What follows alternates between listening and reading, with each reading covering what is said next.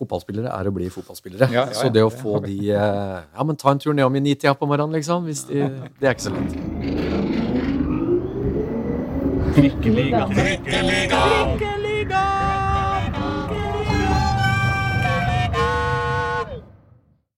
Mine damer og herrer og andre, velkommen til Trikkeligaen sesong fem, episode tre har vi kommet til. Jeg heter Aslak Borgersrud, sammen har jeg Reidar Solli. God dag, god dag. God dag, god dag. Vi sitter eh, og uh, skuer utover den snøhvite, med noen få spor bare, uh, Intility-gressmatta. Oppe, eller kunstgressmatta. Ja, Vi møtte jo banesjefen på veien her, og fikk jo da høre at banen er nedstengt til 1. mars. Og da har Vålerenga bedt om at den skal ta seg til på varmen. Da er de i gang. Det blir topp. Eh, grunnen til at vi er her, er at vi har fått eh, eksklusiv avtale ved nei, hva heter det, sånn, audiens hos eh, den splitter nye sjefen i Vålerenga, Svein Graff. Velkommen eh, til oss, eller hvordan det blir. Takk, takk. Hyggelig å være her. Ja, så hyggelig å få komme, da, for vår del. Ikke sant? ja, Vi er på hjemmebane på alle mulige måter nå. ikke sant? Alle er på hjemmebane på, på sitt vis. Går det bra, eller? Det gjør det. Det er hektisk. Ja. Starta jo jobben eh, 2. januar. Så altså, en uke- en ukes tid da, i stolen. Og det har vært full fart, det. Og akkurat så travelt som jeg trodde det skulle bli. Ekstremt dårlig tidspunkt å bytte jobb til Vålerenga, eller? Du, det er vel det, den bemerkninga jeg har fått av flest mennesker før og etter eh, nyttår. Ja. Eh, så jeg skjønner jo, skjønner jo den kommentaren. Men eh, så hører med til historien at da jeg takka ja til jobben i november, på et eller annet tidspunkt, så var jo ikke tabellen veldig lystig. Mm. Og oppi hodet mitt den gang så var jeg veldig innstilt på at det kunne bli eh, nedrykk. Mm. Og så dro det seg jo til, og Vålerenga måtte vinne kamper og, og i tillegg ha hjelp fra andre lag. Eh, men det er klart at med den 2-0-seieren bortover KBK, for så å rote det bort, Mm. den, eh, den var jo tung å, å svelge. Men jeg har vært forberedt på at det kan bli en jobb i Obos-ligaen, og nå er vi her. Og da, da er jeg fortsatt like motivert jeg, for at vi skal reise oss og slå tilbake. Mm. Hvor, hvor, jeg er bare nysgjerrig når man begynner en ny jobb, sånn som du Du kjenner jo litt klubben fra før. Men hva, hva begynner du med? Hva er, det, hva, er det, hva er det du starter med? Samle klubben Ja. er det korte svaret. Eh, og det var jo basert på litt hvordan 2023 var. At det sprika litt i ulike retninger. Eh, vi har en administrasjon som ikke er så stor. Vi har, eh, vi har sport. Men det der å samle og også erkjenne at eh, vi er i Obos-ligaen, og vi rykker ikke opp til Eliteserien basert på en eh, litt sånn stolt klubblogo med mye historie. Vi rykka ned fordi vi ikke var gode nok, og i øyeblikket så er det akkurat samme spillerstallen som er her. Det vil si vi er to spillere færre enn vi var før nyttår. Og da må alle innse at eh, det er eh, Altså, vi må jo finne ut hvorfor vi rykka ned, og så må vi eh, fremstå helt annerledes sportslig. Og på med arbeidshanskene, som jeg sa til spillere jeg møtte her i dag. Det, det er liksom erkjennelsen som er det aller viktigste. Så vi begynner med å prøve å samle klubben, og så er det jo å stupe inn i budsjetter, selvfølgelig, og gjøre noe med det som er kortsiktige krav. Du taper mye penger av å være dårlig på banen. Det forsvinner jo pluss-minus Mm. 20 millioner. Mm. Så vi skal jo formelt vedta budsjettet i slutten av januar. Mm. Så vi bruker jo masse tid nå hver dag på å se på alt som kan redusere kostnadene. Både på sport, men også i, i administrasjon. Så det er en uh, svær jobb, og så skal du oppi det hele her prøve å bygge uh, motivasjon, tro og lidenskap og alt det der da, for de som jobber her. Eh, men det føler jeg at vi eh, definitivt eh, klarer. Så sitter, vi sitter jo det også, vi sitter jo tilfeldigvis på Det er vel spillernes første arbeidsdag for året.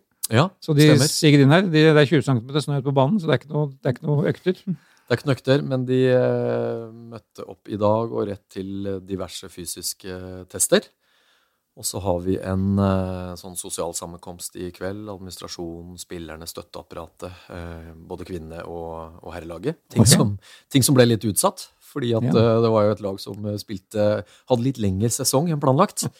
Vi spilte jo noen kamper der. Så seriemesteren og nedrykkslaget møtes. Ja, så vi er i, i hver ende. Så, Hva skal dere gjøre? Nei, vet du hva, det er rett og slett et uh, forsinka julebord. Eh, altså blir ikke, det blir vel et nyttårsbord, kall det hva du vil. Men eh, Men det er bra dere har tatt de fysiske testene allerede på dagen. Da, sånn at ja, hvis dere sant. drikker dere dritings hele gjengen, så er det ikke så farlig med i morgen. tror det blir ganske stille og, og rolig. Men, men når det ble som det ble, så er ikke timingen så dum. Og, og som Reidar sier her, da, det at vi samler de to lagene og klubben Vålerenga samfunn, når vi eh, sier at vi skal bygge klubb, så er jo timingen veldig god til at vi møtes på tvers. Og det har både spillere og folk i hele Vålerenga-familien eh, påpekt. For når du sier samleklubben, det, det, det betyr også damelaget? Ja, altså vi sitter jo eh, fysisk i femte etasje i samme korridorer, og vi har to lag som spiller på, på samme stadion. Og eh, selv om vi juridisk da er to eh, ulike enheter, så er vi jo Vålerenga som Mm. klubb. Mm. Så det har vi allerede begynt å um, diskutere, vi i administrasjon og sport, at hva gjør vi med det i praksis? Så når jeg samler min relativt lille administrasjon da, på, på ni personer, så er nå eh, daglig leder eh, Harriet, som jobber i klubben og for Mm. A-kvinner. Mm. Jannicke, som er leder for uh, Vålerenga Samfunn. Stig Ove, som er eh, daglig leder for eh, Stadionselskapet. De er med på de møtene. Mm. Og denne uka fortalte de om sine planer i, i, for Mm. 2024. Og det er jo for å skape en større bevissthet at uh, Vålerenga er en eh, stolt og stor eh, klubb. Stor Obos-klubb akkurat nå, på herresida.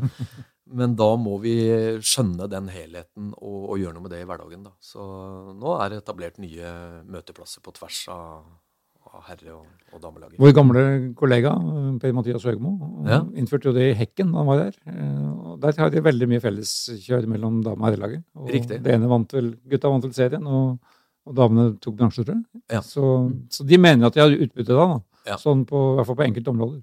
Ja, og det tror vi òg. Og det er ikke sånn at det ikke har vært møteplasser, men, men de kan bli eh, flere, og vi kan tenke enda mer igjennom eh, hvorfor vi møtes. da. Så vi snakker jo om at eh, spillerne f.eks.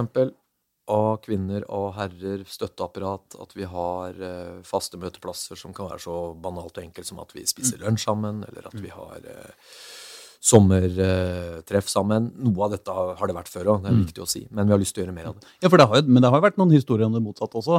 Eh, vi hadde jo, Jeg husker ikke hvilke spillere som fortalte at eh, nei, de fikk eh, på damelaget da, Mm. som fikk beskjed om at hvis de hadde stått og sett på guttetreninga etter at deres trening var ferdig, så ble de jaga vekk. og Ja, det var Elise, Elise Thorsnes. Ja, det var Elise, ja. Ja. ja. og så, så er det jo noen Det er jo flere klubber som har snakket, altså som har slått sammen sosiale medier, kontoer f.eks., ikke sant, og gitt liksom i dag i praksis gitt damelaget en boost ved hjelp av mannelaget. ikke sant, sånne, Mm. sånne Det er jo mange ting som man kunne ha gjort, og som man ikke har gjort av, av samarbeidet. Ja, og da er du inne på veldig mye av det som vi, vi diskuterer nå. Eh, Mm. Det ene er sånn administrative synergier, samarbeid i hverdagen. Mm. Kommersielle avtaler som kan eh, gjøres med både A- og kvinnelaget. Der, der har vi jo eksempler på det. Og før jeg begynte i Vålerenga, så, så var jeg jo konsulent og lagde en sånn avtale som var eh, helt likestilt for A, kvinner og herrer. Fordi det er jo en, en sånn endring i, i sponsormarkedet Mm. Eh, på innholdsproduksjonen eh, og spillerne, hvordan de kan eh, utveksle erfaringer og sånn. Så det, de går jo bokstavelig talt oppå hverandre på Intility. Og jeg, du nevnte Thorsnes, møtte jo henne og, og flere her om dagen. Så vi, vi, det ligger i det å bygge og samle klubb. Ja. Um, bare litt grann om deg. For du er gammel journalist. Det er egentlig journalist du er. Mm. Er det ikke det? Du Jo. er utdanna, utdanna til, til og med, og jobba i eh, både NRK, TV 2 og Discovery og, og alt mulig. Mm. Eh, men så har du liksom også Jeg har vist deg at det fins håp sjøl for sånne som oss. da, Og, og komme deg inn i, i styre og stell på nasjonalt nivå, og i Vålerenga. Ja, det fins alltid håp, selv for sportsjournalister. Nei da. Jeg har jo, jeg har jo vært eh, som Reidar da, og på, på masse felles reiser med landslaget, og har også norsk fotball fra den andre sida før. Så, så jeg kommer fra, fra den sida, det er helt riktig. Og så tror jeg at eh, Det kan godt hende jeg hadde vært sportsjournalist hele mitt liv og lykkelig med det. Litt sånn tilfeldigheter at du flytter på deg. Eh, den gangen jeg gjorde det, da var jeg i eh, NRK, og da når jeg tenker da. Men jo, det var jo Kjetil Siem som jobba i norsk toppfotball. Ja, det var det, ja. Han var vel ansatt som nummer to den gangen, og det er jo litt sprøtt å tenke på, for det var jo Boje Skistad og det som hadde vært serieforeningen i, siden Ja, ja. 70-tallet. Mm. Så ble jo det konvertert til norsk eh, toppfotball. Og så ble Kjetil ansatt, og så eh, ble jeg ansatt som den eh, tredje i, i rekka. Mm. Eh, men fram til da så hadde jeg vært i NRK, TV 2, gammel lokalavisjournalist. Mm. Eh, jobba mest med sport, men også nyheter i, i starten av en periode. da. Du, du og Kjetil Siem er litt sånn eh, er det, er det, Dere har litt lik profil. Begge er journalister, bakgrunn. Begge har jobba ikke sant? Og så kommer du, han får deg dit, han får deg hit nå, eller? Hvordan? Ja, men man må arrestere deg. Vi har nok ikke lik profil på alt. Det tror jeg de som kjenner oss kan si. Men vi har vært en del av de samme stedene sånn jobbmessig. Det har vi. Eh, norsk toppfotball nevnte jeg. Vi har vært innom TV 2-systemet. Egentlig i ulike perioder, bortsett fra et vinter-OL hvor han var litt prosjektleder og jeg var fast ansatt der. Eh, og så var jo jeg i Fotballforbundet som ansatt og hadde vært der en stund da han ble generalsekretær. Men eh, norsk idrett er ikke så stort, og norsk fotball er enda mindre. Så ja, det har vært en del eh, krysspunkter. Men uh, vi er nok ikke helt like. Og uh, nå er vi jo i samme klubb, men jeg, jeg tror at de som kjenner oss, vil si at vi også utfyller hverandre på en ålreit måte. Da. Men var det han som ringte deg, liksom? Hei, du, Svein, skal ikke du uh, eh, Hvordan snakker han igjen? Ja, sånn. Nei, det var flere i Vålerenga-systemet som, eh, som lurte på om det der kunne være interessant. Og jeg sa nei til jobben, helt, helt uavhengig av tabellsituasjonen. Mm. Eh, men det handla mest om eh, der jeg var. Eh, jeg starta et selskap for fire og et halvt år siden, og vi var midt oppi en prosess hvor vi fikk inn noen nye ansatte som også ble eiere. Og da var ikke timingen den, den beste å skulle hoppe på det her, men så falt det på plass, og så ble det Vålerenga.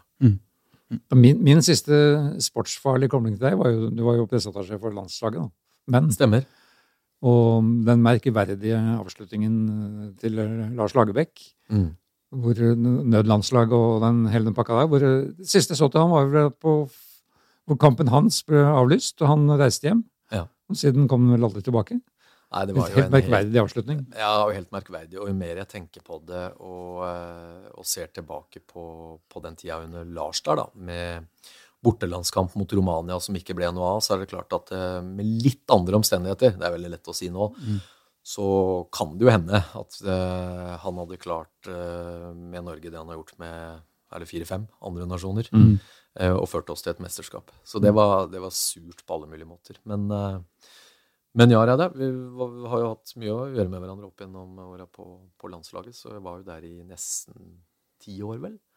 Under Drillo 2-0, eh, Ja. Høgmo og, og Lagerbäck. så det var, det var en veldig fin tid, det, bortsett fra at det ikke lykkes med det viktigste, å gå til mesterskap. Men eh, det kommer vel en dag før vi ligger i grava. La oss håpe det. Dere kan bare gjøre det med Vålerenga isteden, vet du.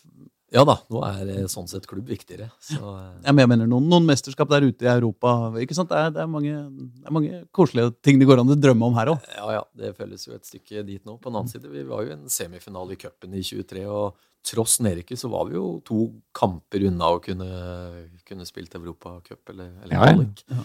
ja, Så, Og og damene skal til Mesterligaen. Ja da, skal det. Så eh, nei, ting snur seg fort i fotball, men eh, det går ikke av seg sjøl, Det, Det er kanskje ikke sånn man skal tenke akkurat når man er på Nei. vei ned i Obos, liksom. Nå tror jeg vi skal, eh, som sagt, ta på de der arbeidshanskene og uh, gjøre den uh, store, store jobben som kreves. Det er ikke bare å spasere tilbake. Men du, da skal jeg ta på meg Twitter-hanskene. Ja. For vi har fått en masse spørsmål til deg vet du, eh, fra, fra lyttere og, Ja, og er twittere der ute. Ja Bra da, det er engasjement. ja da, det er det absolutt.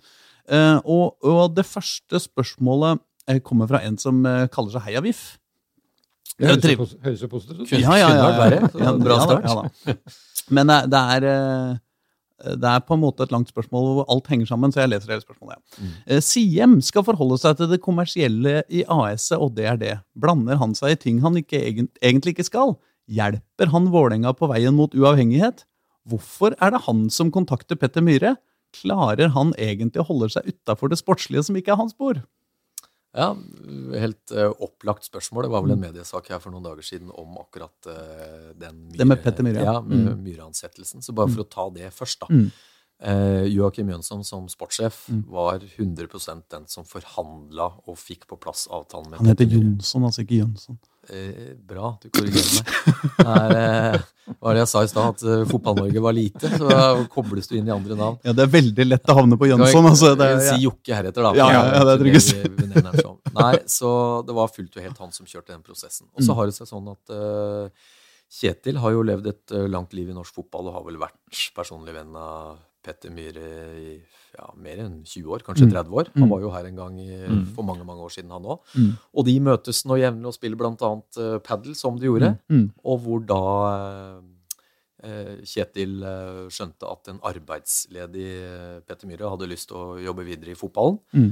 Eh, og så eh, ble jo Jokke kobla på og gjorde den jobben fullt helt på vegne av sport. Mm. Så eh, Kjetil Siem har jo ikke noe eh, forhandlingsposisjon i forhold til det som skjer i sport, og det handler jo om denne dualmodellen som vi er en del av. Mm. Han er styreleder i AS-et. Mm. Jokke er sportslig leder i Vålerenga fotball eh, elite, og som er underlagt i lover og regler da, som gjelder i, i norsk idrett. Så eh, husker jeg ikke Men, ja, men, men, eh, hvis jeg bare kan følge altså fordi Det har vært mye historier, ikke nødvendigvis knyttet til side, men, men til dualmodellen da, i Vålerenga. Og liksom hvor den har blitt utfordra. Det er jo mange uh, historier om hvordan Trøym i, i tidligere tider har, uh, har altså, Og det er jo på- et vis ubekrefta, men i hvert fall uttalt, da, om hvordan han skal ha eh, eh, driver med mye detaljstyring overfor, eh, overfor trenere opp gjennom tida. Og så er det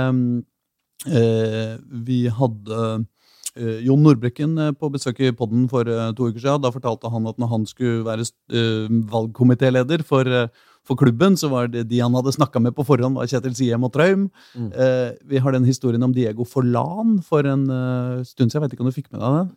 Eh, nei, det var, det var en sånn uh, ryktehistorie da, om at, uh, om at Vålerenga ville ha Diego Forlan, og så ble det ikke noe av. har Altså. ja. Men det handla også om at, hvordan det var Trøim som da hadde på en måte både initiert og egentlig avvist det til slutt. Og at uh, det, det har kommet ganske mange historier opp igjennom Mm. uh, som på en eller annen måte handler om at, at, uh, om, om at det er Trøim som sitter med, eh, med, med flere avgjørelser, kan det se ut som fra utsida, Ja. enn han kanskje burde Mm. eh, i en klubb hvor, eh, hvor, eh, hvor han egentlig ikke skal, skal eh, avgjøre noe. Ja, Bare for å ta det med Nordbrekken, som du nevnte aller Mm, først. mm. Eh, det at leder av valgkomiteen eh, ringer til eh, klubbens hovedaksjonær, eller eneaksjonær, Mm.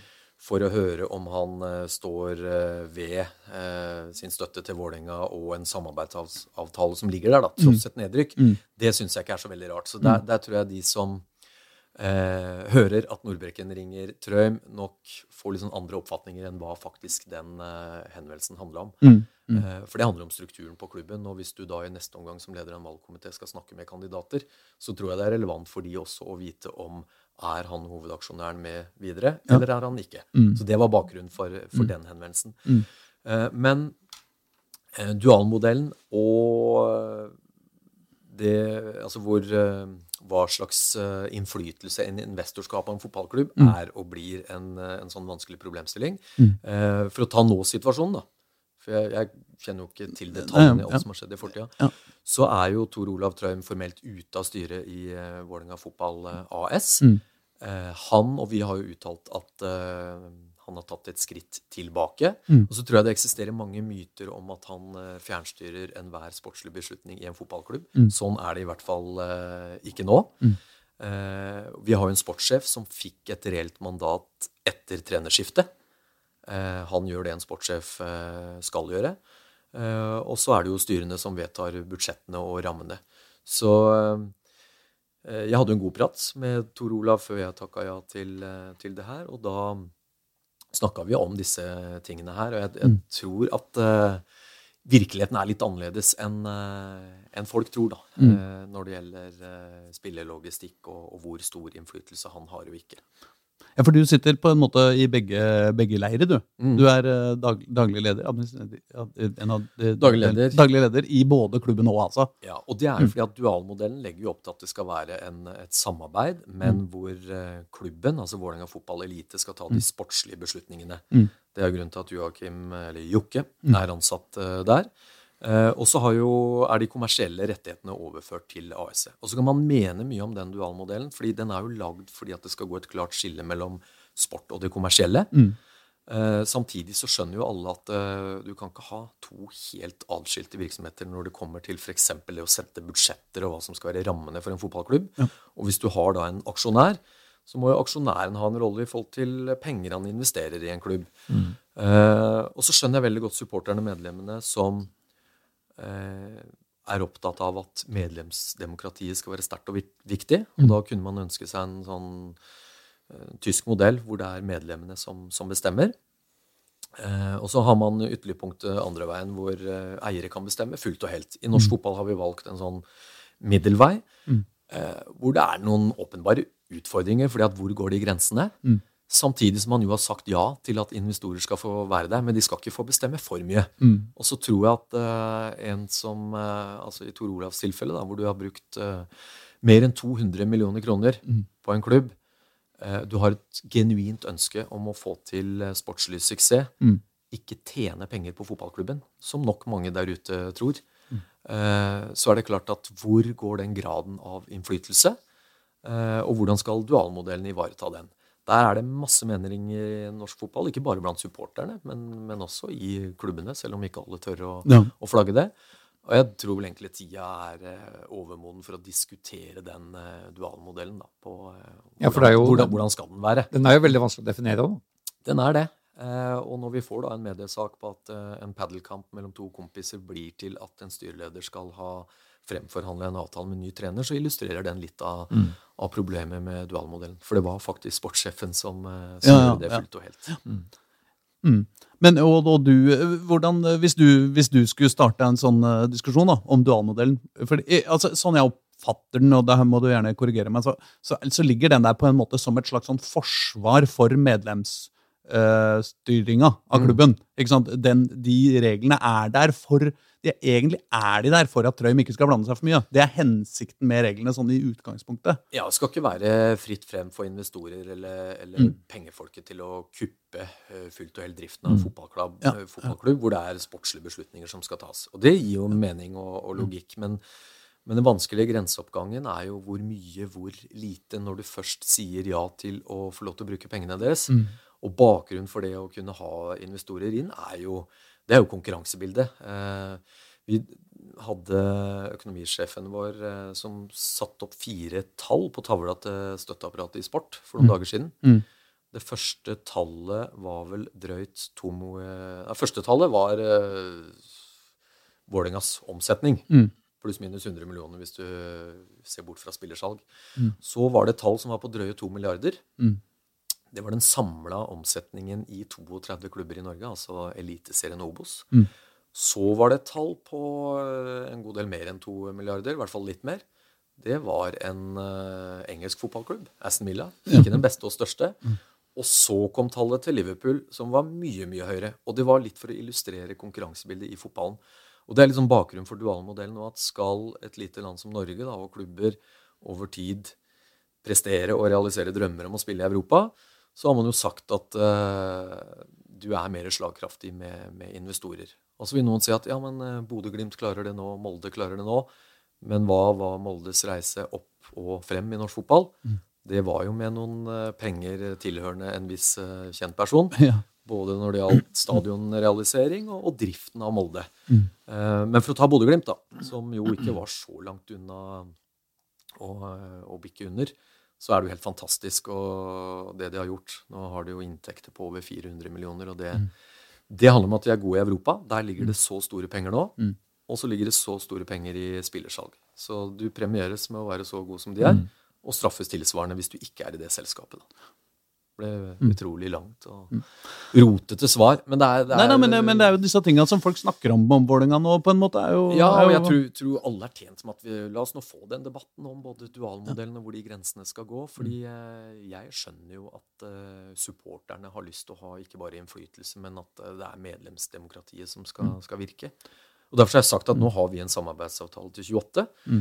Eh, og så må vi tørre å diskutere alternativer i framtida, men, men akkurat nå, da, og kanskje enda mer forsterka etter nedrykket, så må jo vi vise at vi er eh, økonomisk bærekraftige og faktisk har noen eh, reelle alternativer. For vi har satt oss sjøl i en vanskelig situasjon, på kort sikt i hvert fall. Men går det an å si noe om det, altså, Siden du sier at vi burde diskutere den, eh, modellen. Mm. Vi, liksom, det noen, hvilken retning tenker du vi, vi, Hvis du kunne omdefinere den, da?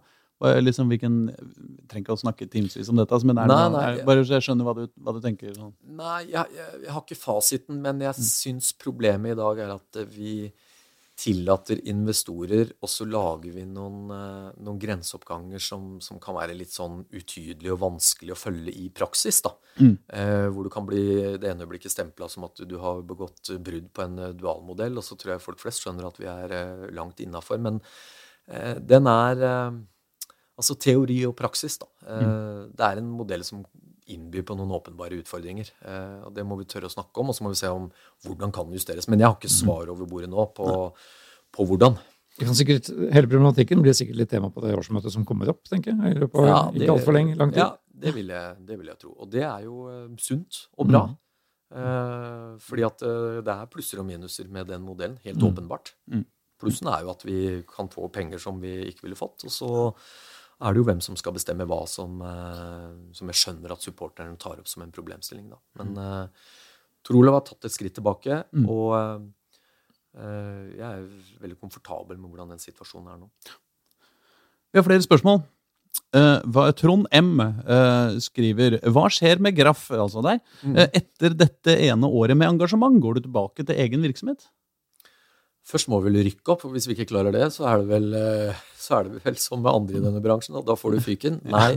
Tenk sånn nedtur om du har ett år i Vålerenga som ja, eh, sjef i Vålerenga, og det er det ene året vi er i Obos. Ja. Nei, jeg sa jo uh, før den ansettelsen og etterpå at uh, hvis du skal få til noe, så, så, får du ikke til alt på ett år, helt uavhengig av opprykk eller ikke. Så jeg har jo mm. lyst til å være i i jobben som daglig leder lenger. Men grunnen til at det ble ett år da, sånn kontraktsmessig, det er mm. egentlig en teknikalitet, og det er jo kanskje greit å, å, få fram, særlig til supporterne som tenker hva skal vi med en sånn konsulent på et år? Mm. Det er fordi at jeg starta et selskap for uh, snart fem år siden. Mm. Hvor jeg var gründer og er fortsatt medeier. Og så fikk vi inn noen nye medeiere, og da lagde vi en ny aksjonæravtale som sier at alle som er eiere, skal være ansatt teknisk sett i mm. det selskapet ut 2024. Så hvis jeg skulle begynt i Vålerenga nå, så var det løsninga. Men mm. uh, så har alle parter også sagt at vi må jo tenke lenger enn uh, en det. Så, men la oss uh, gjøre unna 24 og se hvor vi står både sportslig og administrativt om et, et år. Men tanken er å være her lenger. Ja. Det er ikke sånn at du har um,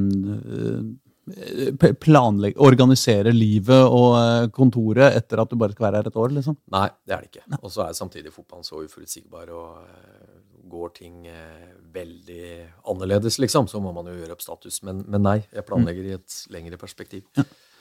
Det er en Lyn-supporter her som heter Usylta gjerde 1896, som har blanda seg ja, da. ja da, de er, de er, glad i sylting på Oslo vest, har jeg skjønt. Tror du man kan klare å fylle Ullevål og Intility i 2024? Det blir i hvert fall de to største kampene i norsk fotball. Eh, det sa jeg til en journalist eh, tidligere i dag. for Jeg måtte liksom minne på at det blir bydarby igjen. Mm. Vi har jo klart målet om å prøve å fylle her på Intility, i hvert fall. Mm. Uh, og så er jo Ullevål hakket, hakket større, men det er, det er, bra og riktig at den kampen spilles der istedenfor uh, på en uh, mm. Humpete Bislett-matte på vårsesongen, selv om Bislett jo er en bedre arena sett med Vålerenga-øyne og, og, historien. da, og enda mer mm. tilhørighet der enn mm. en Ullevål. Så jeg håper vi klarer det. det, er vel ikke helt bekrefta ennå at den går på Lo? I hvert fall ikke i NFF. Det er vel en dialog mellom Lyn og Fotballforbundet. og ja man har vel forskuttert at det der går bra. Og for ja. å si det sånn, hvis de går tilbake på, på, det nå, så har vel min gamle arbeidsgiver litt trøbbel. men, uh, men, de skal bytte et gress på Ullevål i år, men ja. det tror jeg skjer etter den kampen. Så jeg mm. satser på at det ordner seg. Og skjer mm. ikke, så skal vi glede oss til Bislett, vi. Men uh, vi var jo der i, i 23 yes. i ja. NM-matchen. Mm. Så vi tar det vi får. Men jeg tror det er gode muligheter. Men det er klart Lyn får svare hva de får til på Ullevål, men vi skal komme mannsterke og kvinnesterke, vi. Ja, men du er trygg på at uh, her blir det utsolgt mot Lyn? Vi må ha det som et uh, klart mål. Ja. Uh, definitivt. Ja. Det er noen flere Lyn-folk som har, som har blanda seg skal, Jo, en som, og som er mer personlig, da. En som heter Linjers1896, skriver Kommer du til å savne å ta trikken ned for å se Lyn på Bislett? En gang til. Kommer du til å savne å ta trikken ned og se Lyn på Bislett.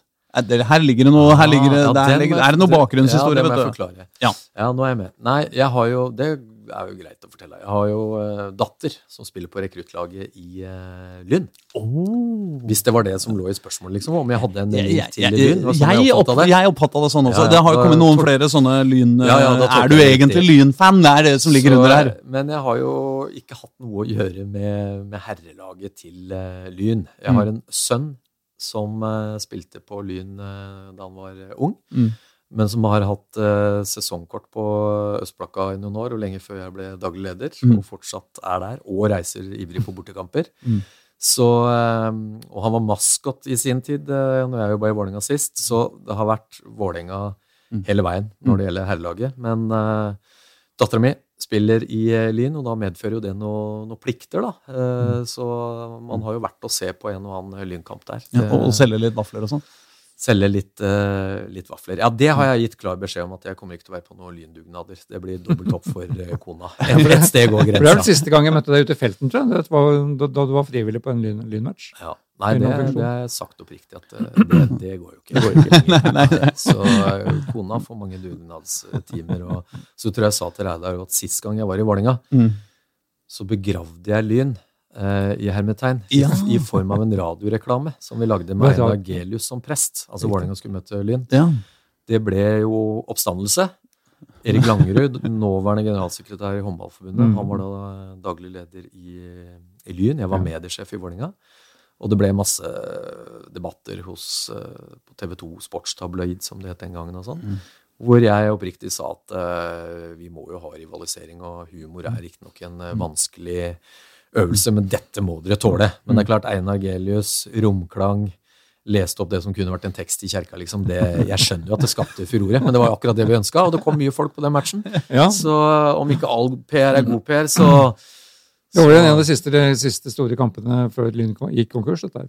Ja, de, de, Ja, den type det var vel litt sånn spikeren i kista, da. Ja, det var faktisk. Ja, så skal ikke vi være så kjepphøye nå, da, med tanke på at vi, vi møter det. Men eh, nei, rivalisering er bra, og at byderbyene kommer tilbake, det Når det først gikk galt, så får vi ta med oss det. Men mm. Lyn, det får andre, andre ta seg. Ja. Men du har, ikke noe, du, har ikke noe, du har ikke noe hjerte for lyn? Liksom, sånn- eller sånn. Nei, Jeg håper det går bra med, med dattera mi. Men nå henta jo eh, A kvinner Vålerenga her en Lyn-spiller for noen dager siden. Midtstopper. Så jeg har sagt at du får bli god nok, så får du bli med til Oslo S, du òg. Ja, ja, ja. ja, men det er ryddig. Um, eh, Engamann, eh, 1913, spør Hva vil du si blir den st st To spørsmål. Hva vil du si den, blir den store forandringa som vil skje i hele klubben nå og framover etter nedrykket? Er komplisert. Og, og det andre er inntektene reduseres netto mellom 15 og 20 millioner kroner, og lønna reduseres. Hvordan vil det da bli mulig å få f.eks. spillere som Ilic til å bli værende? Ja, Til det siste først, da. Eh, Når det gjelder spillelogistikken og, og der hvor vi eventuelt selger spillere, så er det mange måter å gjøre det på. Du kan Mm. selge én spiller dyrt, Mm.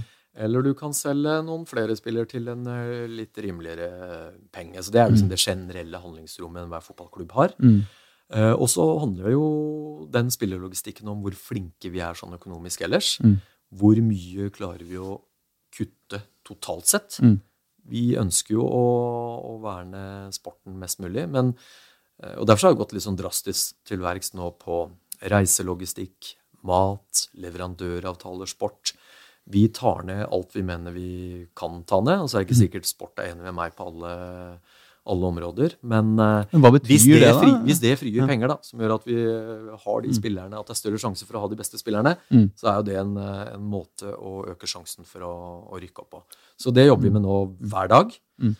Men det noe konkre- har du noe konkrete? Altså, er det liksom eh, eh, Du vet, du det slutter med Det blir færre treningsapparater i kjelleren? Er det dårligere fotballskotilfang? konkret- det Vi kan prøve å ta et konkret bilde på det, så vi skjønner hva vi snakker om. Mm. Eh, nå har vi jo nå er jo jeg ansvarlig for mer enn bare A-laget. Ansvarlig for rekruttlaget, eller Mm. det som er junior elite. Mm. Og så har vi et 17- og 19-årslag som spiller nasjonal serie. Mm.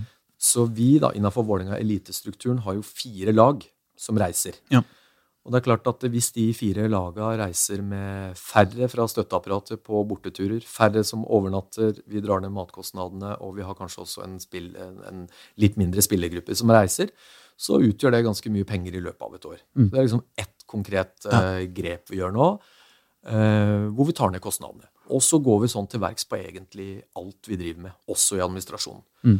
Så jo flinkere til å kutte der, jo større er sjansen for å beholde spillerne. Men så har vi også lagd nå et helt nytt bonussystem eh, for spillergruppa, som over tid vil føre til eh, ganske kraftige kostnadskutt. Og det handler om at eh, en fotballspiller i dag har en grunnlønn, og så får du ulik premiering ut ifra om du er i tropp, om du sitter på benk, om du spiller kamper, Mm. om laget vinner, spiller uavgjort eller taper.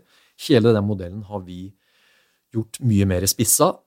Og korthistorien er at uh, du blir premiert hvis du starter fotballkamper og gjerne spiller uh, halvparten eller mer av dem. Mm. Og så blir du premiert hvis vi vinner. Uh, så er det litt andre parametere. Men Mm. det er Og det er klart at det er forskjell på å sitte på benken og, og spille. Det skal det være. Så de beste spillerne blir premiert.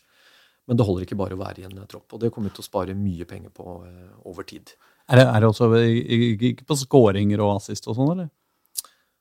Eh, Jeg kan ikke gå inn på hver eneste detalj, men hvis du er, hvis du er spiss og skårer eh, mye mål, så hender det jo at eh, du får betalt for det.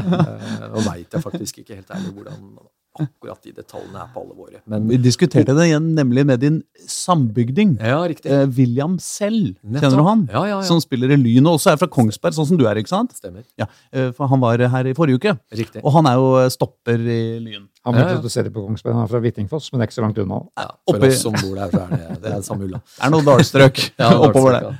Eh, og, og han eh, fortalte jo at de hadde litt sånn, eh, de hadde litt sånn eh, eh, morsom eh, kamp eh, i, blant stopperne i Lyn, ikke sant? fordi de skårer ganske mye mål, begge to. Ja. Ikke sant? Så det var sånn, hvem skårer flest mål og sånn da. Ja. Ikke sant? Så, det, det, det var jo åpenbart bare, bare fleip. Riktig. Men det var jo litt sånn, ok, hvem går opp på den corneren her? Skal jeg virkelig spille den pasninga der nå, nå som jeg har sjansen til å, her er det muligheten til å, altså det er ikke det at han mente det på alvor, men det, du kan risikere litt sånne ting med insentiver når du, Det er mye bra historie i norsk fotball om sånne kontraktsmessige forhold. Eh, ikke minst det der med når du passerer et visst antall spilte kamper, så Mm. utløser det mye penger. Eh, og det er jo en, en dum modell hvis du plutselig ikke gjør det du mener er sportslig best. Men det er klart at eh, spill, starter du fotballkamper, spiller mer enn halvparten av, kampene eller mer, mm. og laget ditt vinner, at du da kan få en eh, ekstra honorering, det er liksom, tror jeg, et en sånn solidarisk prinsipp som eh, alle klarer å følge. Men at 20-25 mann får eh, stadig vekk eh, bonuser bare av å være i en tropp, Mm. det, det er en dårlig modell. Så har det ikke vært sånn, men poenget er at vi, vi spisser den. da. Ja. Så til spørsmålet Vi gjør mange grep som gjør at vi håper å ha en slagkraftig tropp. Og så har vi jo sagt ærlig at det kommer til å bli endringer i, i Vålerenga-troppen. Det er det jo allerede. Vi har to spillere Mm. som eh, var på utgående kontrakt. Oldrup eh, da en av dem. Ja. Uh, og vi er også der at vi nok kanskje ender opp med en mindre tropp i år enn i fjor. Mm. Uh, treneren er mer opptatt av balansen i troppen, de riktige typene, enn antallet. Så Mm. det ligger jo, PT så ligger det jo en besparelse i at vi, vi er to spillere færre også. ja, ja. Så Oldrup Jensen som går ut, og Og Vitinho. Ja. Vitinho. Ja. Og så resignerte vi jo eh, Borch, som var på utgående. Ja, for det er, det er jo veldig lett å bli redd som Vålerenga-supporter når man ser på en måte, når man prøver å gjøre dette regnestykket i huet, som jo vi jo alle gjør, selv om vi ikke har noe med det. ikke sant? Og så ser vi sånn Ok, må kutte 30 millioner, kutte 30 millioner. Og så er det liksom, det er et par uh, unge menn, uh, en som heter Ilic og en som heter uh, Beck Risnes, som, uh, som det sikkert kan være ganske mye penger i å bli kvitt, men, men liksom, hei det, Det er jo alltid sånn. Noen det er skummelt òg. Ja, noen spillere er jo definitivt mer attraktive sånn salgsmessig enn andre. Sånn er det i enhver klubb. Og dilemmaet er jo alltid at det er jo de du vil beholde, og hvordan skaper du da den balansen mellom å eventuelt selge frigjøre noen, uten at det svekker eh, det sportslige for mye. Og for oss er det ekstra krevende, fordi at eh, vi har rykka ned. Og det ligger en økonomisk gevinst i å komme tilbake igjen på første forsøk. Klarer du ikke det, så må du liksom ta med det i kalkylen. Og så må du se på hvilke kontrakter går ut neste år. Hvor mye bedrer det en eventuell økonomisk situasjon? Eh, hvilke andre økonomiske forhold påvirkes? eh, Kommersielle avtaler? Hva slags kontraktslengder har de? Så du må, du må jo evne å se en helhet, og så ta sportslige valg basert på det. Eh, Men vi må jo spare penger og være klar over at vi har mindre å rutte med nå. Men har det begynt å renne inn eh, henvendelser på spillerne? Henvendelser er det, og det var det egentlig fra også da umiddelbart etter at nedrykket var et, eh, et faktum. Så det er jo interesse for konkrete eh, spillere.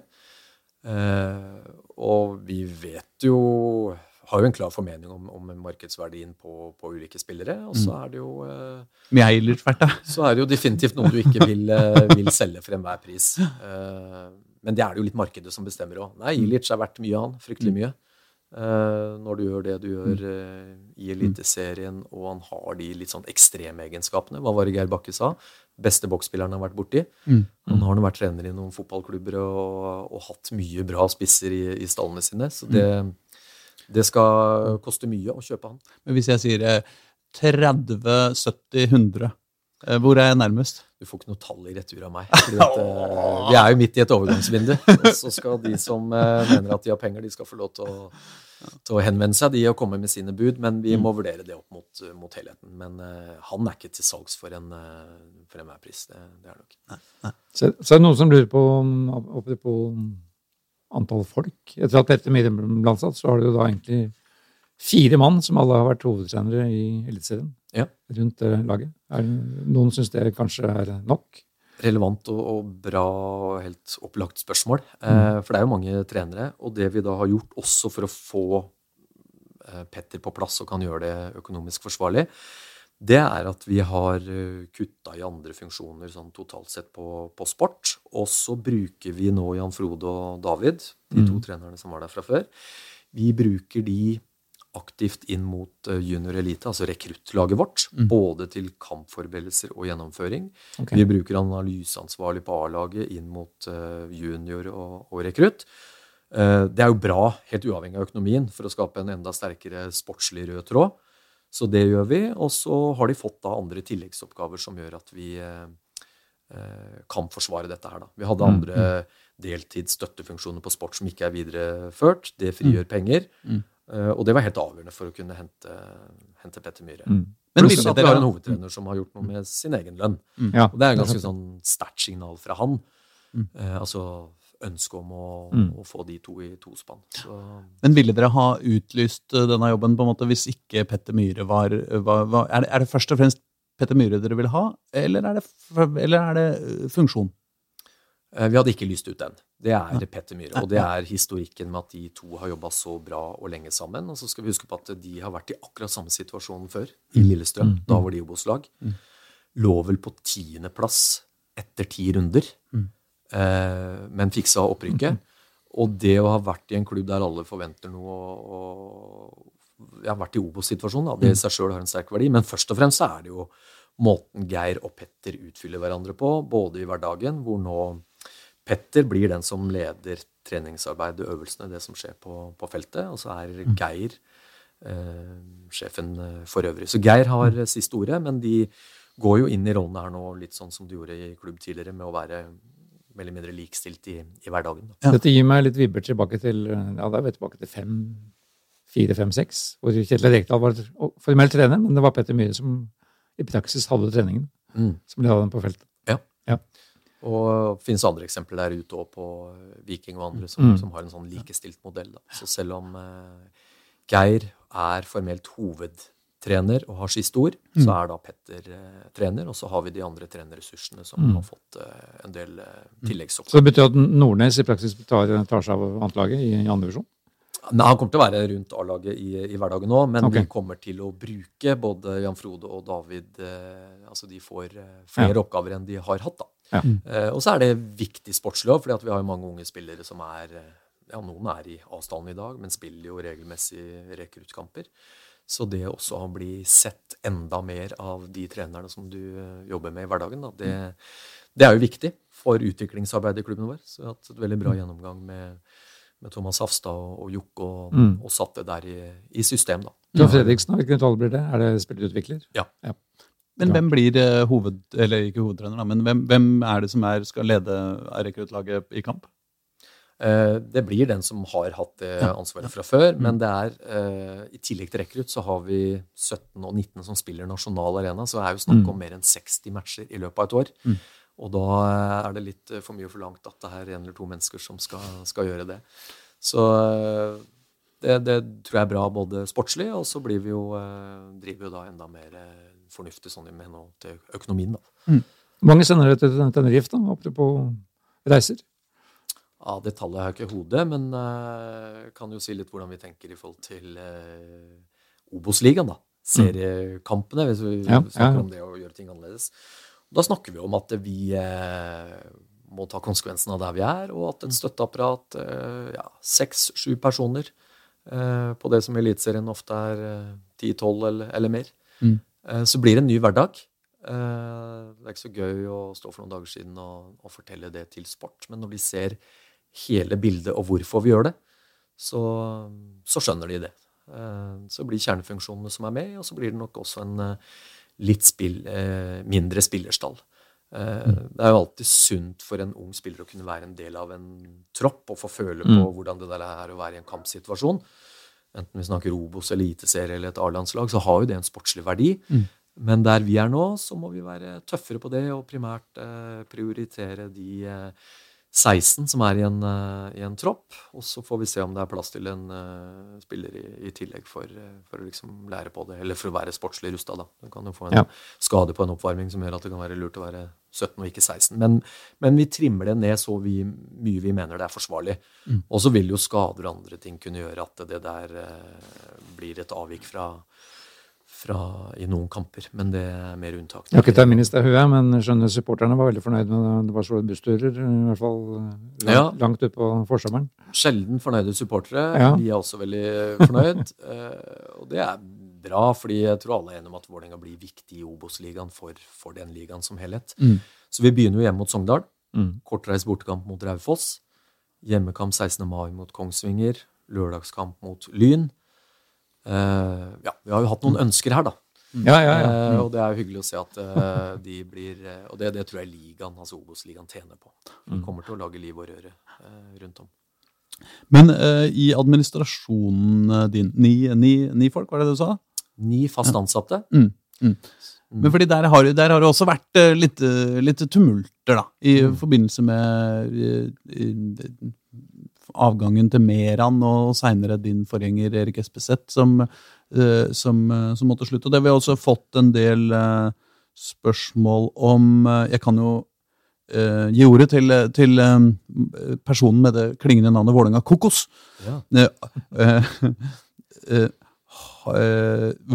Hvor er det du tenker skoen trykker i VIF? Mange har prøvd å skulle rydde opp tidligere. Vi står uten noe særlig å vise til på ekstremt mange år, med unntak av bronse under covid.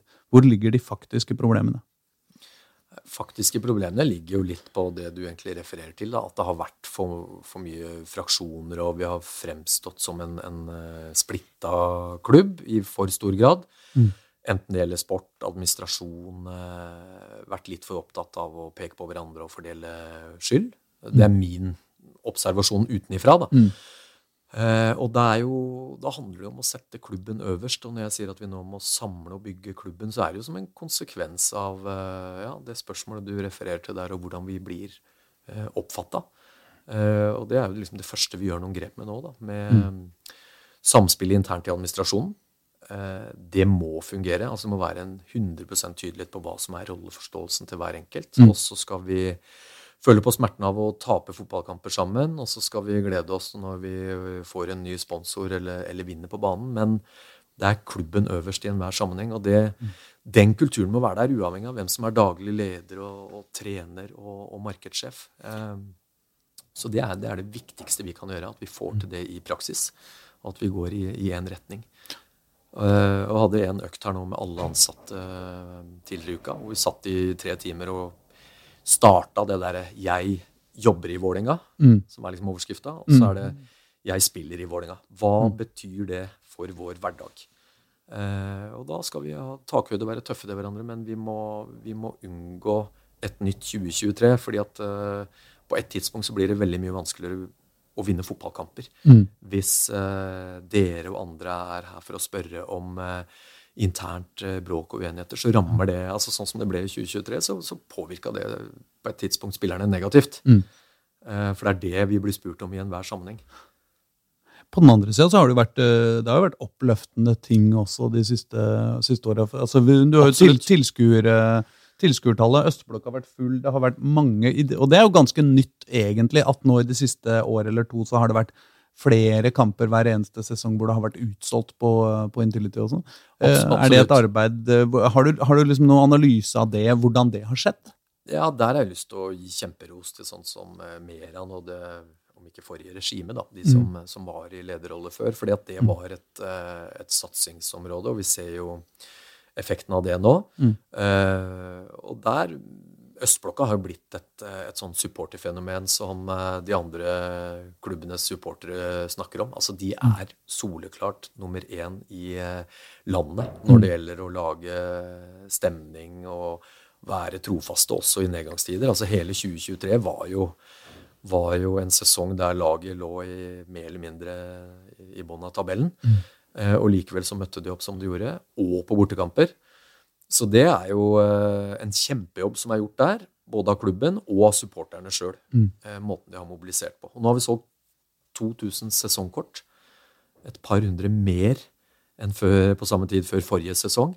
Eh, sikkert noen som synd, synd på oss, men jeg tror at eh, hovedgrunnen er den kampopplevelsen de hadde på, på Østblokka. Eh, og når jeg snakker med sønnen min, som har sesongkort der sjøl, så er det jo Eh, selvfølgelig går du på, på Østblokka for å oppleve et Vålerenga som vinner, men når det ikke går, så er eh, den stemninga blir jo ikke borte. Og det merker jeg på, eh, på andre supportere òg. Litt sånn som i gamle dager, hvor folk kom på Ullevål for å, like mye for å se og oppleve klanen den gang, så kommer de nå for å oppleve klanen Ikaros og de andre grupperingene våre. Så det er noe vi er veldig klar over og skal bygge videre på i, i 24. Det er eh, ja, det er egentlig Vålerengas viktigste valuta. da. At uh, Skulle du ligge i Obos, det å ha med de i ryggen, det er alfa og mega. Så det er litt kjedeligere å, å eh, når, når, når motstanderens spiss er Ja, ok, hvem er det som har den jobben, i, den, den plassen i Raufoss igjen? Og så må du sjekke på ikke sant, VG Live. Istedenfor at du da. ser at det er Bård Finner, liksom, eller eh, et eller annet. Jo, men tenk nå, altså Vi vant Pellegrino, to eller? fotballkamper hjemme på Intility i 23. Tenk nå om eh, Østblokka og alle andre får mål, seire og det de faktisk fortjener. Da, da, da blir jo den der opplevelsen enda bedre. Uavhengig av De er ikke så opptatt av elveren og navnene på det motstanderlaget. De er opptatt av de elleve kongeblå som er utpå her. Det er 1997. Det er det du skal, dere skal skape igjen nå. Ikke sant? Det, vi er jo omtrent like gamle. Du husker 1997, du? Gjør du det? Ja, også, også bare for å ta det med supporteren, da. Eh, en ting er her, men Raufoss, Levanger Når jeg nå snakker med supporterlederen og vet hva de planlegger, og, og hva slags happening de reisene blir Hvis du husker når, eh, når Vålerenga dro til Syden, som vi kalte det, eh, i forhold til eh, matchene i sør. Eh, den planlegginga er jo allerede i gang, og vi har også fått den kampen i, i eh, Ja, det er start i godt ut i juli, er det ikke? ja, ja, det var vi også. Så eh, her har Herren vært snill mot uh, nedrykkslaget. Altså. Nei, så det blir morsomt. Ja. Det blir gøy å være supporter. Eh, eh, Are Brun skriver Kommer det en Enga på pod 3.0 uten Siems forstyrrelse? Altså, De er litt frekke, altså. Så hvis, du, hvis du gir litt uh, Ja, Hvis liksom. det kommer Enga på pod 3.0, så blir det Det blir uten Siem i programlederstolen. Nå må jeg være, ja. forsiktig med å si med min egen sjef, da. For han er jo styreleder i ASM. Men eh, Men det er litt deilig å kunne sparke sin egen sjef iblant. Ja, ja. Du, du sparka han fra bånden. Ja, jeg gjorde det. Nei, jeg sa eh, ærlig og oppriktig at eh, når du er styreleder, eh, og litt sånn de ulike rollene som er i en fotballklubb, så uh, syns jeg det er feil at en styreleder eh, leder Enga på uh, pod. Eh, Så sånn ble det. Men eh, det er få som er bedre på historiefortelling, og også få folk til å uh, levere på en god måte som gjester. Så det var jo et 100% velment og bra, bra tiltak sånn sett. Men eh, Det var den gamle journalisten som slo til der. Ja. Han er jo en leken kar. Ja, men han skal få lov til å være, være styreleder, og, og det er det. Men det kan jo hende han dukker opp som gjest i en Enga på pod 3.0. Vi har faktisk ikke konkludert endelig. Hadde en god diskusjon i forrige uke. Og så er vi enige om at hvis vi skal gjøre det, så kan vi ikke bare gjøre det fordi at det er riktig å ha en podkast. Da må det være en som eh, lytterne bryr seg om. Og så har vi masse andre innholdsplaner på, på TV-sida, som jeg kaller det. Så vi må veie det opp mot det. Men eh, det er ikke umulig at det blir en Enga på pod eh, 3.0. Vi har noen tanker rundt det. Men hva, slags, hva slags planer er det da på, TV på TV-sida? Hva kan man gjøre der, liksom? Vi hadde jo ære være en uh, dokumentar i fjor som eh, TV 2 produserte. Den ble ikke videreført. Det tror jeg, Er det din avgjørelse? Nei, ikke bare min, vi er flere om det. Men, Men er det Vålerengas avgjørelse? det er uh, Vålerenga som ikke ønska å videreføre den. Ja. For det, det, det, er- det har noen sider. Det har noen sider, og så er det det at vi har jo lyst til å ta supporterne med på innsida, men vi har lyst til å lage en god del av det innholdet sjøl. Eh, og det betyr jo ikke at vi skal lage kjedelig TV, tvert imot. Mm. Eh, men det er litt eh, det, er, det er mange som har døpt det der til nedrykks-TV. Hvis du begynner å se historisk på det, så er jo det farlig presis eh, beskrivelse. Nei, vi skal ikke skylde på ære være for at Vålerenga rykka ned. Det var en og alene vår feil. Men eh, vi har lyst til å lage først og fremst et litt annet uh, type innhold. Uh, nå starter det et uh, blodslit, og vi skal, vi skal skildre det på en god måte, håper jeg. Eh, og så er det en litt sånn sammensatt beslutning. Men vi har en ung spillertropp, og det der å lære opp fotballspillere til å være seg sjøl og bli profiler, da, Mm. da, da gjør vi det på en litt annen måte. Da. Jeg, snakker jo, jeg kjenner jo noen av de som lagde Ære være. Det var jo Mm. Veldig fornøyd med dramaturgien. da. Sånn sett Det, utenfra. det håper jeg de er. Ja, men de, kunne, de kunne jo kanskje fått det andre veien nå da, i år, hvis vi hadde levert. Så altså, det var masse bra med Ære være, og det samla jo totalt sett mer enn én million uh, seere. Viktig PR for klubben, også for det tilskuerløftet vi hadde i fjor. Vi hadde jo en økning på over 21 Mm. Så for all del var masse bra med det, men eh, eh, det er den sette det opp mot hva vi kan produsere sjøl, og eventuelt gjøre på en litt annen måte, da. Mm. noe av innholdet ble kanskje litt sånn eh, repeterende gjennom en, mm. en lang sesong. Mm. Så litt av svaret ligger der. Men det er en fare for at det kan påvirke en klubb negativt, sånn internt? eller? Nei, det, er jo, altså, det skal jo ikke være det. Og, og ikke sant, når vi har Østblakka som skal være utelukkende positivt, Mm. så, så må vi jo takle det, eller spillerne må takle det presset hvis de skal Hvis ikke så er de i feil klubb. Da får de gå til en PostNord-klubb. Så det må vi være ærlige på, at vi skal takle både TV-kameraer og Østblokka og alt sånn. Men faktum var jo at vi i hvert fall ikke leverte i fjor. Så kan man spekulere i hva som var uh, grunnene osv. Men mm. det, det er ikke noe hovedgrunn til at vi ikke viderefører. Vi skal ha engasjement, men vi har lyst til å bli eh, enda mer tydelige og, og flinkere på vårt eget innhold. Da. Det er hovedgrunnen. Det ble mye fokus på Stefan i fjor høst. Stefan Ja. Sandberg, kapteinen. Mm. Så hadde han en eh, liten forelesning på Ja, det var vel også Vålerengas egen kanal, da. Ja. Hvor han snakket til, til offentligheten. Mm. Blir, han med til Tenerife? Han har akkurat gått gjennom en uh, ryggoperasjon for en uh, prolaps, så det er en litt sånn løpende okay. vurdering. Han kommer iallfall ikke til å delta fullt og helt på den som, som de andre spillerne, som er uh, hele skadefrie. Nei. Fordi at han må gjennom litt annen type trening nå. Men det var en eh, Han er eh, han er ved godt mot, han. Okay. Jeg hadde en lang samtale med en tidligere i uka. Så, Ja. eh, men eh, eh, om han blir med på deler av det oppholdet, mye eller lite, det vet jeg ikke ennå. Men han er motivert og klar for å få Vålerenga opp igjen. Han er eh, motivert, han, så lenge han er uh, Vålerenga-spiller, akkurat som de, de andre. Eh, og han er jo en ærekjær eh, kar med vinnervilje på utafor banen. Så det er jeg ikke noe bekymra for. Hva, eh, vi, vi, vi må jo begynne å, begynne å tenke på dette, dette snart. Men jeg lurer Å ja, vi er der, ja. ja. Ja, det, vi er der, skjønner du. Er. Min Men- skyld. Det går fort med Sevif-gutta. Ja, ja, ja, det er bra, det.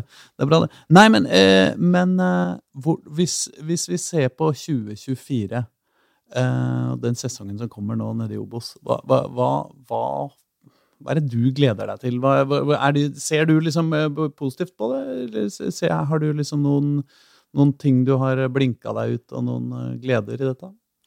Jeg gleder meg til sesongen som helhet, og det å få se et eh, lag da, som leverer det de bør klare å levere. fordi at det er masse gode fotballspillere her. Og så tror jeg alle, enten det er trenere eller supportere, så at det ble en sånn eh, frykt på banen i for eh, store perioder. Og så så man eh, lysglimt at når de faktisk slipper seg løs og gjør det de kan, så er det laget mer enn godt nok. Eh, Så det er den største spenninga. Å få ut det i praksis. Altså potensialet i det, det laget.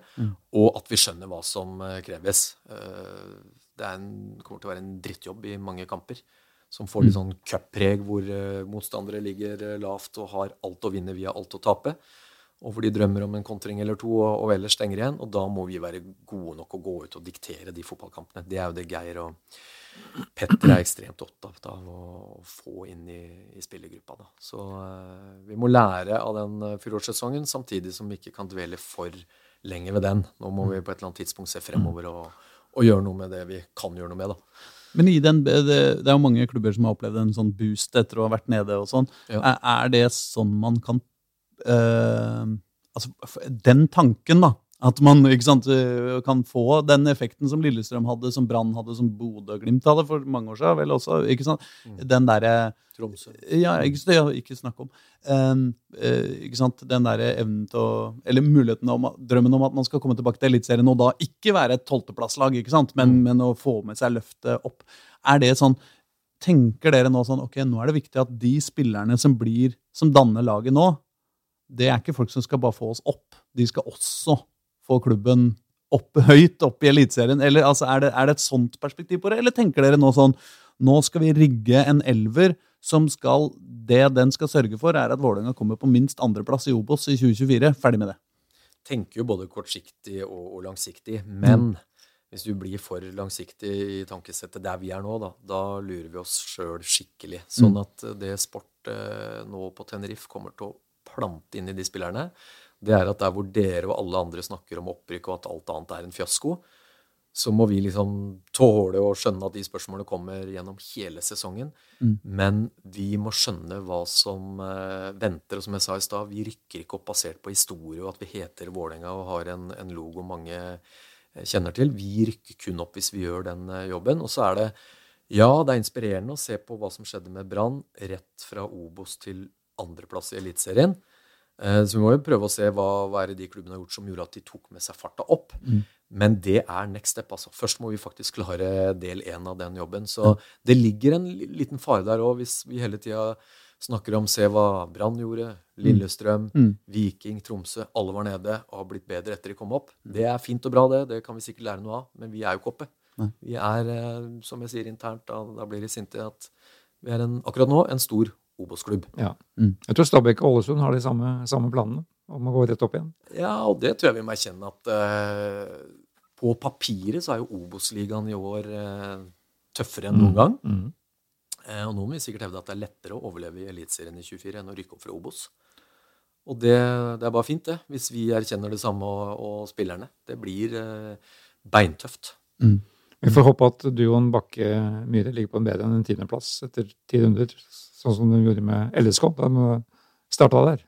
Vi må ha, eh, vi må ha ambisjoner hakk over det. Ja. Så gæren kan jeg være, Reidar.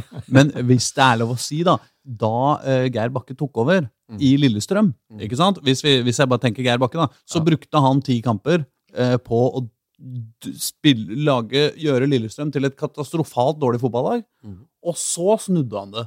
ikke sant? Og så derfra gikk det dødsbra veldig lenge. Og Ja. nå har han jo allerede fått de kampene i Vålerenga. Bare uh, rykka ned da med dem. Men ikke sant? Så, sånn at nå burde det jo være bare fryd og gammen herfra, burde det ikke det? Ja, nei, skjønner, skjønner poenget ditt. Han har fått, har fått litt innkjøringstid, han har det. Men, men eh, jeg tror det er viktig å ta med seg der at Obos-ligaen er jo en eh, sånn serie der alle slår alle, sagt litt enkelt. Og hvor du får runder før sesongen er ferdig, så er det få poeng som skiller å være i kvaliksjiktet til Eliteserien kontra å rykke ned. Eh, og det må vi være klar over når vi går inn der. da. Eh, ja, Brann cruisa ifra og gjorde fantastisk bra da de var nede, men det er jo faktisk eh, unntaket. Det er en kamp hele veien inn. Nei, 97 sier nå jeg. 1997. Se den på VHS.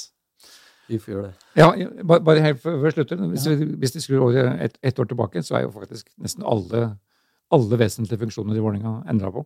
Mm. Altså, ja, både, trener, i både administrasjonen og, og rundt laget. Mm. Uh, Men økonomisjefen, som fikk veldig mange gode skussmål, han går vel til eh, NFF, er det det? Eller NTF? NTF, ja. NTF, ja. Stemmer. Er det, er det etterkommeren der langt unna? Eh, nei, ikke langt unna. Nei. Har vi eh, flyt, så er det veldig nært forestående. Har vi ikke det, så går det litt mer tid. Eh, men vi er på oppløpssida der. Kjempeviktig funksjon, selvfølgelig. Mm. Eh, Den høres jo veldig spennende ut da, som funksjon òg. Ja, det er sik- sikkert noen som har blitt litt skremt i og med at det ble Erik, men definitivt spennende. fordi at det skiller seg jo fra egentlig økonomijobber i, i alle andre virksomheter. Da, særlig pga. spillerlogistikken, som eh, får så stor innflytelse på økonomien i en fotballklubb, i tillegg til om du er sportslig flink eller dårlig. Så det, det blir viktig.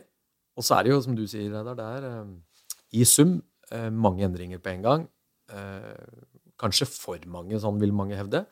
Men da er det jo opp til oss å eh, utnytte også det som blir et momentum, da, til å kunne gjøre endringer raskere og få med den flinke gjengen som er her fra før, på de endringene. Og der eh, er kanskje den største positive overraskelsen at jeg trodde jeg skulle møte en gjeng med hengehuer.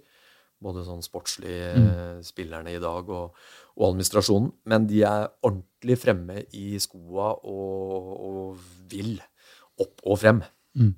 Skulle bare mangle, selvfølgelig. Men, men måten det skjer på, da, er, er veldig bra. Altså. Er, eh, de skjønner at nå må vi F levere. Daglig leder har en god følelse inn i 2024.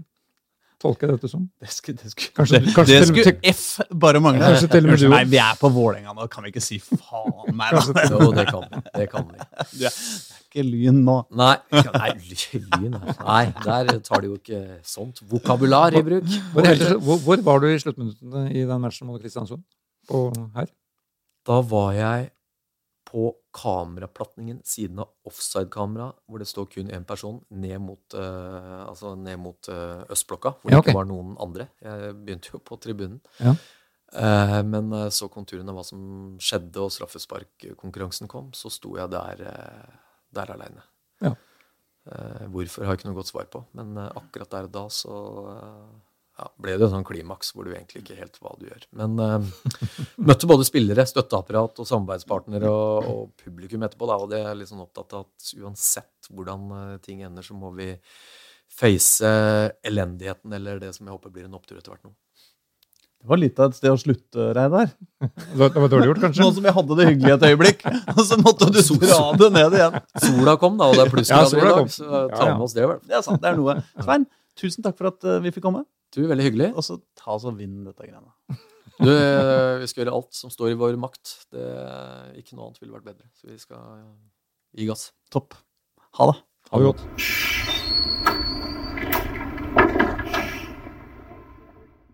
Du har hørt en podkast fra Dagsavisen. Ansvarlig redaktør heter Andreas Heen Haaland Karlsen.